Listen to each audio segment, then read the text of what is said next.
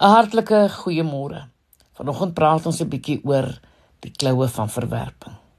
Hoor net wat sê Dawid in Psalm 142 vers 3 tot 7.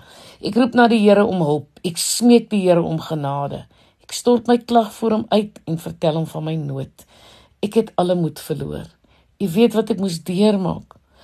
Die pad waar ek loop, het hulle vir my in stryk gestel. Ek soek hulp, maar niemand wil help nie.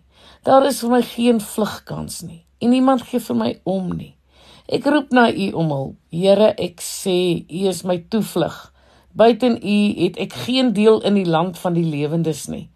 Luister na my hulpgeroep, want ek is magteloos. Red my van my vervolgers, want hulle is te sterk vir my. Ai, het jy al ooit so gevoel? 'n Predikant sit in sy studeerkamer alleen.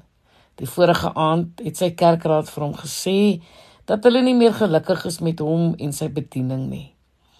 Sy hulppredikant wat hy na die hand groot gemaak het, het gegaan met 'n derde van die gemeente om 'n blok daarvandaan 'n nuwe gemeente te begin. Sy vrou is ongelukkig. 'n Ou dame in 'n aftreeoord is vol hartseer en mis haar man. Haar kinders besoek haar nie meer nie en haar vriende is almal oorlede. Jong, ek wil vandag vir jou sê dat eensaamheid is 'n werklikheid en is 'n ernstige saak. Dit is nie noodwendig net om alleen te wees nie, maar ook om tot 'n mate verwerp te voel. My ma was 68 toe sy oorlede is. Ek was 39 jaar oud en ek onthou dat ek in die dae en maande daarna 'n tipe van verwerping ervaar het deur die dood wat skeiding kom bring het tussen my en my ma. Sy was dan altyd vir my daar. Ek het haar ek het veilig gery in haar gebede. Ek het veilig geleef en goeie besluite geneem.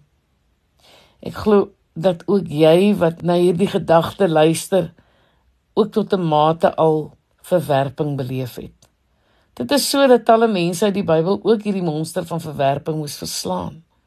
Soms wanneer ons oor die lewe van Dawid dink, kan dit klink asof hy 'n storieboeklewe gelei het. Maar wanneer ons in die psalms lees, lees ons dikwels van sy pyn en hoe dit vir hom gevoel het asof hy verdrink daarin.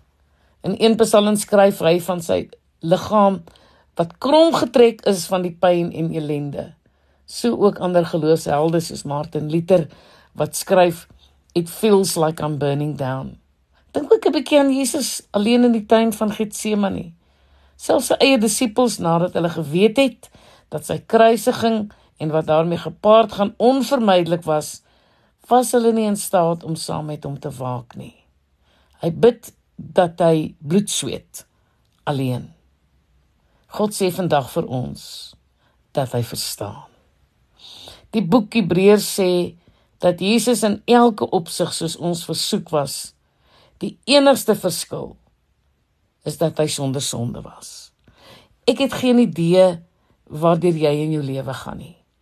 Moontlik het jy uitdagings in jou huwelik. Moontlik lê jy saans wakker oor jou kinders. Dalk het jy uitdagende finansiële omstandighede. Dalk gaan jy deur 'n egskeiding en jy voel verwerp. Dalk verstaan mense jou in jou werksomstandighede jou glad nie.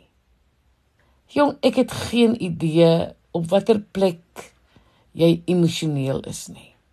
Maar weet jy wat ek weet is dat God is en bly dieselfde God. Hy verander nie. Hy is dieselfde God wat met Dawid was, dieselfde God wat met Abraham, Isak en Jakob was.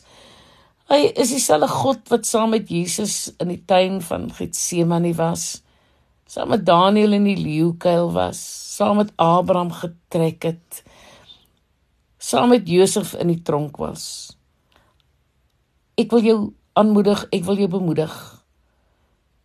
Wanneer God in en by jou is, hoef jy nooit verwerp of alleen te voel nie.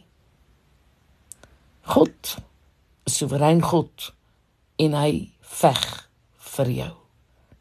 Ek is Lenet Beer vir Radio Kansel.